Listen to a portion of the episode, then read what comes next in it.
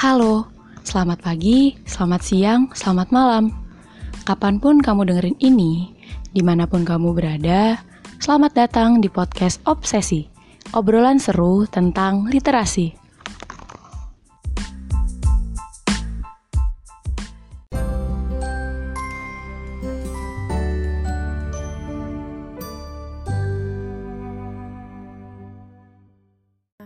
Episode ke-8 ini, aku akan membawakan tentang BBB. Kalian udah pada tahu belum nih BBB itu apa? Tapi beda ya sama bukan bintang biasa. Jadi, BBB di sini adalah bincang buku bulanan. Pada BBB kali ini, aku akan mereview tiga buah buku yang berjudul Origin, Educated, dan Bicara itu ada seninya. Sebelum aku mulai mereview buku, aku mau minta maaf apabila terjadi perbedaan sudut pandang ataupun penilaian terhadap masing-masing buku yang akan aku sampaikan, karena ini adalah pure opini dari aku. Mungkin dari tadi kalian udah menyadari nih, kenapa suaranya berbeda dengan suara pembicara yang pertama. Jadi, memang kita berbeda orang. Kenalin, nama aku Kamila Zahra. Aku adalah salah satu staf Kementerian Sosial Politik BMKM MIPA Unsut, Kabinet Mercusuar. Di sini aku mewakili teman-teman BEM yang lain ingin mengapresiasi kepada teman-teman semua yang udah setia mendengarkan podcast ini dari awal hingga hari ini. Terima kasih yang sebesar-besarnya atas support, saran, kritik, dan pesan yang kalian berikan. Dan untuk kalian yang baru mendengarkan podcast ini, selamat bergabung. Dan jangan lupa untuk terus tungguin updatean terbaru dari podcast ini ya. Untuk kalian yang ingin bertanya-tanya atau kirim saran, kirim pesan, ataupun kritik, bisa kunjungi di IG kami di at underscore unsut. Tanpa berlama-lama lagi, langsung saja kita mulai ke review buku yang pertama. Oke, jadi buku yang pertama ini berjudul Origin Buku ini merupakan salah satu novel karya penulis terkenal yang bernama Dan Brown. Sekarang beliau bersama istri dan anaknya tinggal di New England. Sebelumnya mungkin kalian udah familiar nih nama Dan Brown nih. Ya, karena Dan Brown ini sebelumnya udah menerbitkan novel-novel yang gak kalah bestseller dari novel ini. Novelnya apa aja? Yang pertama itu ada The Da Vinci Code, Inferno, The Lost Symbol, Angel and Demons, dan masih banyak novel lainnya. Novel ini dikemas dalam 510 halaman, di mana itu ada prolog, epilog, dan 105 bab yang mengikuti jalannya alur cerita ini. Buku ini pertama kali diterbitkan pada tahun 2017, yang tepatnya di bulan November. Buku ini tersedia dengan dua cover. Yang pertama itu hardcover, dan yang kedua itu adalah soft cover. Kebetulan aku sendiri yang punyanya yang soft cover. Cover dari buku ini berwarna biru dan cetakan tulisan fontnya itu seperti timbul atau yang kita sering sebut emboss. Di cover juga terdapat sebuah gambar lingkaran yang mana itu adalah salah satu tempat atau latar tempat yang akan diceritakan di dalam buku ini. Tempatnya apa namanya? Tempatnya namanya Sagrada de Familia. Gambar yang ada di cover itu merupakan tangga dari Sagrada de Familia, di mana tangga itu adalah termasuk 10 tangga yang paling berbahaya dan paling curam di dunia. Lanjut aja langsung ke isi bukunya. Jadi, buku ini menceritakan tentang perjalanan Robert Langdon untuk mengungkapkan penemuan temannya yang bernama Edmund Chris, yang mana Edmund Chris ini adalah seorang ilmuwan komputer dan seorang miliarder. Digadang-gadang, penemuan Edmund Chris ini akan menggemparkan dunia karena penemuannya ini akan menjawab dua pertanyaan paling fundamental mengenai eksistensi manusia di bumi. Nah, tapi pada saat penyiaran penemuan ini secara online, Edmund Chris terbunuh. Nah, Profesor Langdon sini disangka terlibat dalam pembunuhan Edmund Chris. Oleh karena itu, Profesor Langdon ingin berupaya untuk memecahkan penemuan dari temannya ini, Edmund Chris. Nah, di buku ini, Profesor Langdon ini adalah seorang profesor simbologi. Jadi, beliau ini mempelajari tentang arti-arti dari simbol-simbol yang ada di dunia. Di cerita ini, Profesor Langdon tidak sendirian. Beliau ditemani dengan Ambra Vidal. Siapa Ambra Vidal? Ambra Vidal itu adalah seorang pengelola dari Museum Guggenheim, di mana itu adanya di Spanyol. Jadi mereka berdua akan memulai pertualangan mengelilingi kota Spanyol yang sangat indah. Dan mereka tidak berdua doang, tetapi mereka akan ditemani dengan salah satu teman dari Edmund Chris yang bernama Winston. Tapi kalian jangan salah sangka nih, Winston ini adalah bukan orang, tetapi dia adalah AI atau Artificial Intelligence yang menemani Ambra Vidal dan Profesor Langdon sampai menemukan jawaban dari penemuan Edmund Cree. Perjalanan Robert Langdon bersama Ambra Vidal dimulai dari Museum Guggenheim, di mana tempat ini menjadi saksi bisu dari terbunuhnya Edmund Chris dan sekaligus tempat penyiaran dari penemuannya Edmund Chris. Perjalanan Robert Langdon dan Ambra Vidal ditemani dengan temannya Edmund Chris yang bernama Winston itu mengantarkan Robert Langdon dan Ambra Vidal ke rumahnya Edmund Chris yang bernama bangunan itu Casa Mila. Kalau kalian membaca buku ini, kalian harus siapin internet untuk sambil men-searching bagaimana tempatnya karena aku jamin tempatnya itu gak kalah indah dari yang kalian bayangkan dari yang diceritakan di buku ini. Karena di buku ini penuturan dari Dan Brown ini sangat detail mengenai latar tempatnya. Jadi kalian mungkin bisa membayangkan atau berimajinasi bagaimana latar tempat yang digunakan. Selanjutnya, perjalanan Robert Langdon tidak sampai di sini saja. Ditambah lagi Robert Langdon dengan pengejaran dari berbagai macam organisasi keagamaan. Karena digadang-gadang penemuannya ini akan menggemparkan segala macam organisasi keagamaan. Perjalanan mereka berdua tibalah sampai pada petunjuk besarnya yaitu yang berada di Sagrada de Familia yang mana itu ada di cover buku ini. Ya. Sesampainya menemukan dari Sagrada de Familia, Robert Langdon mencoba untuk menghubungkan dan juga menginterpretasi dari simbol-simbol yang ada di Sagrada de Familia dan petunjuk-petunjuk lainnya. Kemudian, mereka mencari tempat di mana Edmund Chris menyembunyikan dari penemuannya itu akan disiarkan dari suatu tempat. Jadi, Edmund Chris ini mempunyai sebuah bangunan di mana bangunan ini akan menyiarkan secara langsung tentang penemuannya ini. Nah, tugasnya Robert Langdon dan Ambra Vidal adalah menemukan bangunan ini. Yang lalu, bagaimanakah kelanjutan ceritanya? Apakah Robert Langdon dan Ambra Vidal menemukan bangunan itu? Lalu, apa aja sih jawaban atas penemuan dari Edmund? Kelebihan dari buku Origin ini, buku ini kaya akan informasi Walaupun buku ini genrenya adalah novel, akan tetapi informasi seputar karya seni, organisasi keagamaan, ataupun lokasi dalam buku ini benar adanya. Sehingga kita sambil mem membaca alur cerita dari novelnya, kita juga dapat menyerap informasi-informasi seputar yang tadi aku sebutkan. Selain itu, di buku ini banyak sekali mengandung kosakata-kosakata yang baru pertama kali aku dengar banyak banget nih contohnya seperti sinanoge, chauvinis, ada claustrophobia yang yang mungkin buat kamu adalah sesuatu kosakata kosakata yang baru. Dan menurut aku ini adalah suatu keuntungan buat kita jadi kita bisa mengenal kosakata kosakata yang digunakan. Nah untuk kalian mungkin bisa sambil nulis di post it ataupun kalian bisa garis bawahin atau kalian stabiloin lalu kalian tulis tulis deh di buku ini, dia juga menghadirkan e, percakapan dalam bahasa Spanyol.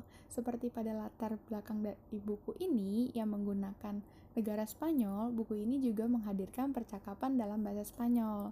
Tapi tenang aja nih, buat kalian yang tidak mengerti bahasa Spanyol, sama kayak aku, aku juga nggak mengerti, di bawah buku ini di setiap halamannya itu ada namanya catatan kakinya.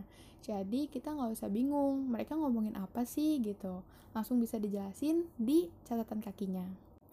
Alur dari buku ini ini menurut aku tidak ngacak. Sehingga kita sebagai pembaca di sini kita lebih memahami apa yang dimaksud dari buku ini. Dan juga menurut aku buku ini adalah plot twist. Jadi akhir dari cerita ini tidak bisa diprediksi menurut aku. Aku dibawa uh, bingung, aku dibawa pusing, aku udah tahu jawabannya tapi ternyata bukan, aku udah mengerti tapi bukan dan seperti itulah. Jadi buku ini adalah buku yang sangat plot twist menurut aku. Dan yang paling aku suka dari buku ini adalah alur tempatnya itu dibuat secara detail. Jadi Dan Brown di sini Beliau menjelaskan bagaimana latar tempatnya itu secara detail, baik itu dalam hal-hal yang sangat-sangat kecil. Jadi, kita sebagai pembaca bisa sekalian membayangkan seperti apa sih bentuk bangunannya atau gimana sih latar tempatnya ini gimana gitu. Soalnya kan kita bukan orang Spanyol, kita belum pernah datang atau melihat secara langsung bangunan tersebut. Tapi untuk menggunakan tapi selain itu kita juga bisa mengakali dengan sambil men-searching, sambil baca buku ini. Jadi kita bisa melihat nih, oh apa yang dimaksud dari Dan Brown ini? Oh tempatnya seperti ini. Oh tempat yang dimaksud Museum Guggenheim seperti ini. Bangunan ini seperti ini. Karya seni ini seperti ini. Buku ini juga terdapat banyak simbol-simbol yang di mana akan dipecahkan oleh Profesor Langdon. Kita juga bisa belajar nih, ada banyak simbol-simbol yang menurut aku ada yang beberapa yang aku kenali seperti simbol FedEx dan simbol-simbol yang lainnya. Ada simbol ateis dan segalanya deh. Jadi kita bisa menambah wawasan bagaimana sih e, buku ini dikemas. Oke, dari aku kelebihan dari buku Origin segitu aja. Mari kita lanjutkan ke review buku yang kedua. Oke, buku yang kedua ini berjudul Educated. Buku ini ditulis oleh seorang dokter yang bernama Tara Westover. Buku ini menjelaskan bagaimana perjalanan kisah hidup Tara dalam khususnya pendidikan di tengah keluarganya yang bersifat ortodok atau konservatif. Di buku ini memuat 352 halaman di mana itu terdiri dari tiga part dan di masing-masing part itu dibagi lagi menjadi chapter. Jumlah chapter di dalam buku ini adalah 40 chapter. Buku ini sendiri diterbitkan pertama kali pada tahun 2018, tepatnya pada bulan Februari. Jenis cover yang digunakan dalam buku ini adalah hardcover.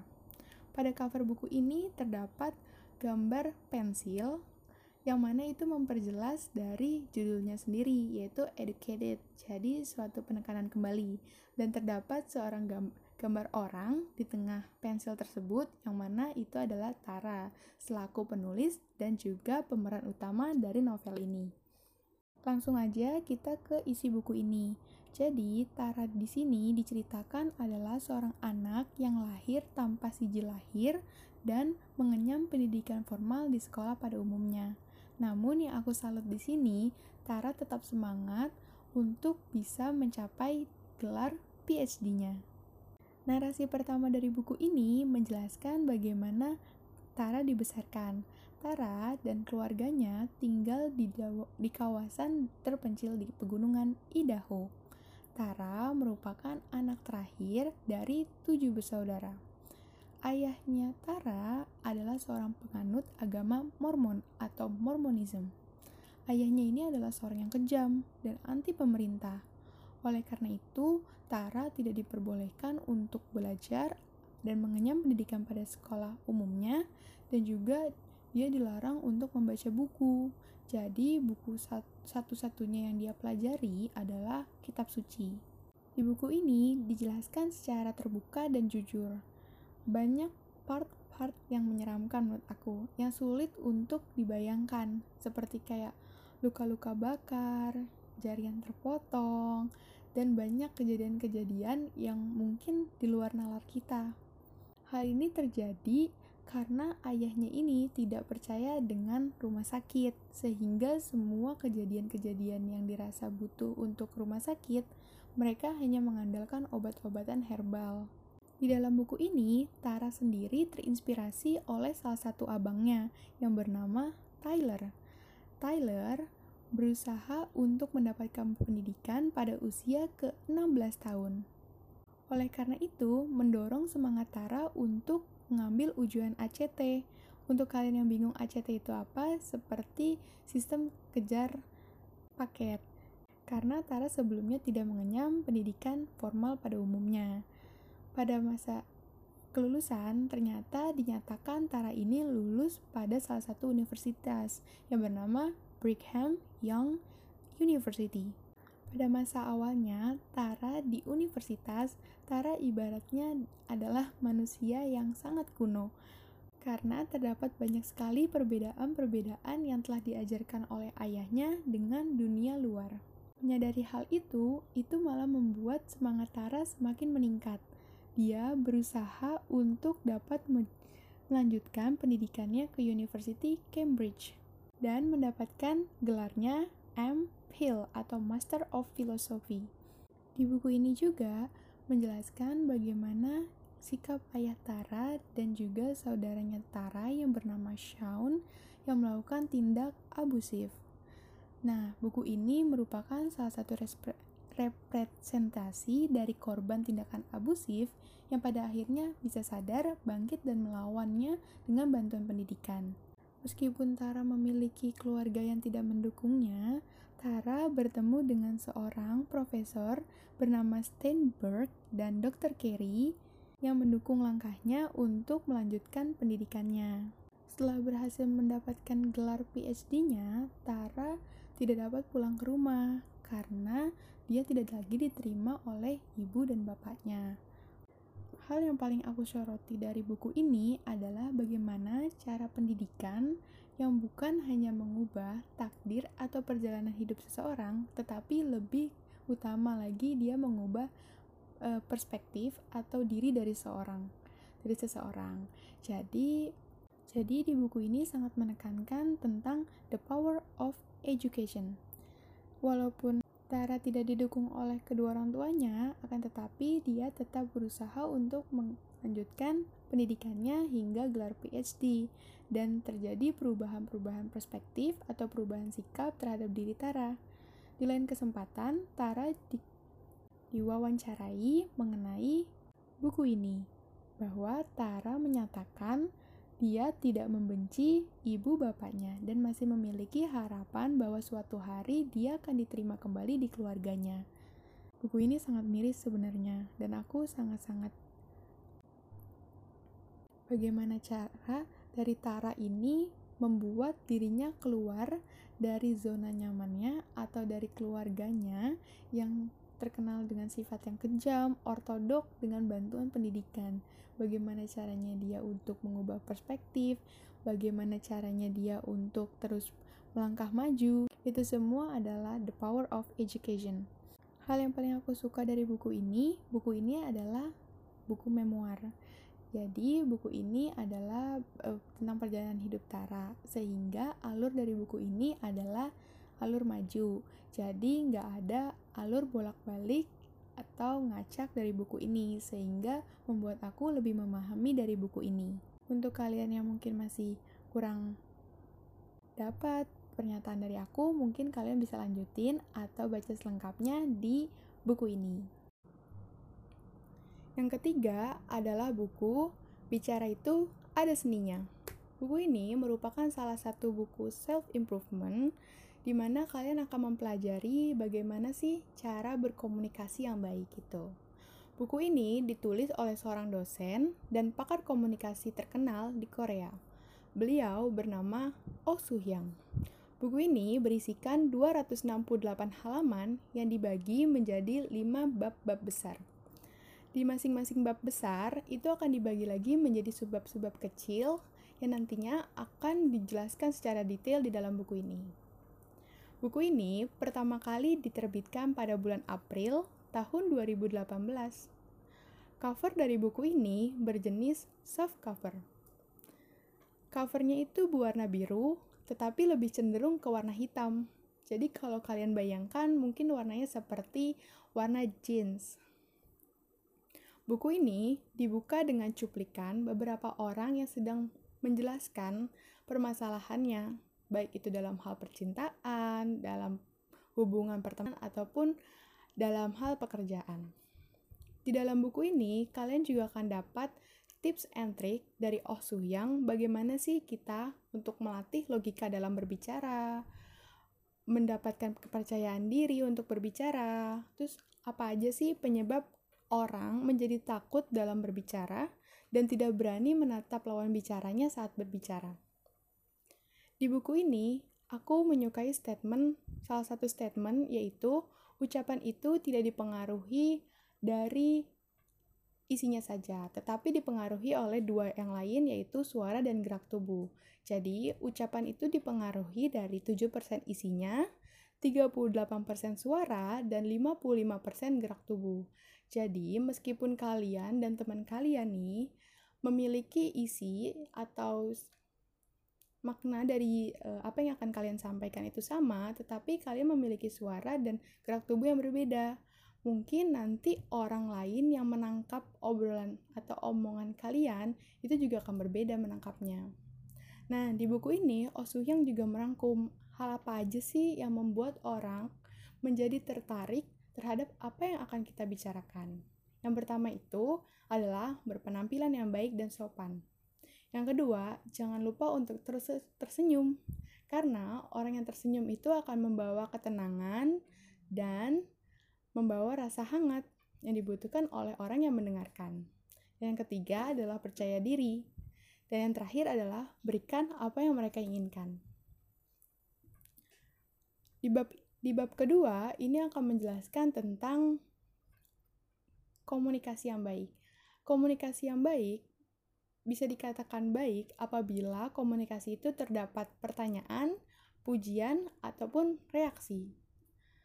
Di bab ketiga dan bab keempat itu menjelaskan tentang suara itu bukan bawaan dari lahir. Jadi buat kalian yang sebelumnya ini merasa khawatir atau merasa kenapa ya suara aku kok berbeda nih sama teman aku yang A? Atau mengapa ya suara aku berbeda sama si B? Padahal kalau aku punya suara yang sama itu aku bisa menjadi uh, speaker atau aku bisa jadi pembicara terkenal atau aku bisa public speaking yang baik gitu.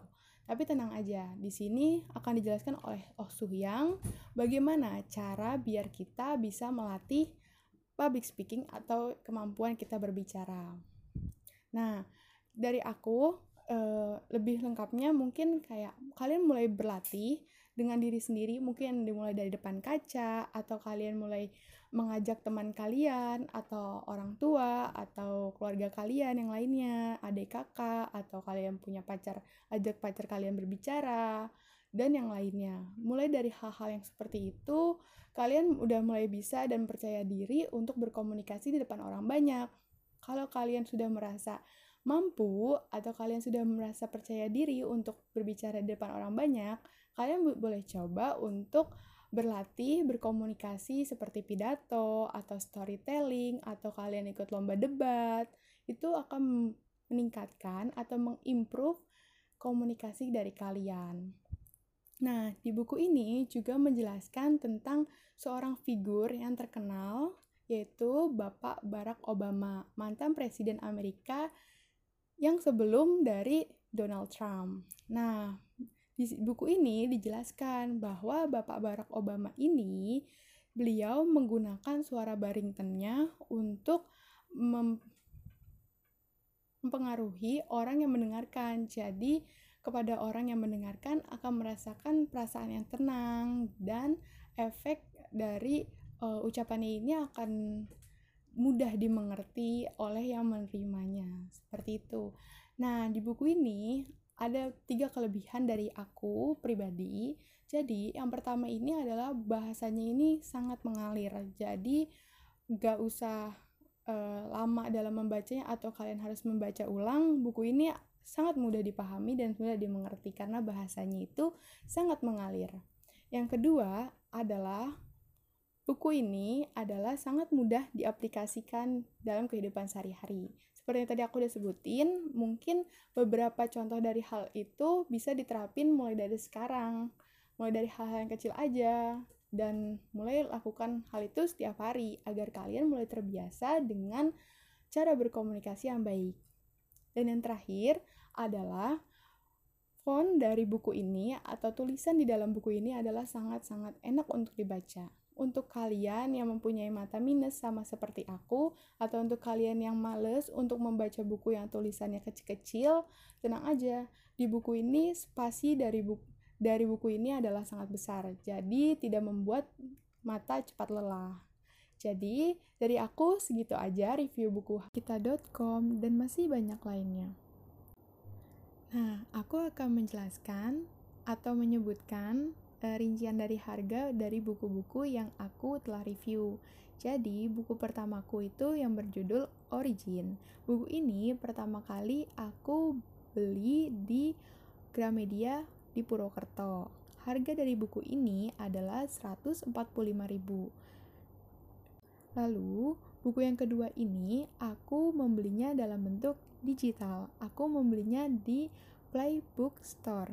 Buku ini berharga seharga 134.089 atau bisa kita genapin aja jadi 135.000 ya. Nah, buku yang ketiga ini aku membeli melalui toko buku online yang bernama Grokmart. Harganya sendiri adalah 50.000. Di masing-masing buku ini, di buku yang pertama itu adalah bahasa Indonesia, di buku kedua ini menggunakan bahasa Inggris, dan di buku ketiga menggunakan buku bahasa Indonesia. Jadi, untuk kalian yang ingin mengim dan terima kasih kepada teman-teman semua yang udah mendengarkan podcast ini hingga akhir. Aku ingin berterima kasih yang sebanyak-banyaknya kepada teman-teman semua yang sudah meluangkan banyak waktunya untuk mendengarkan podcast ini. Sampai jumpa di episode selanjutnya. Dadah!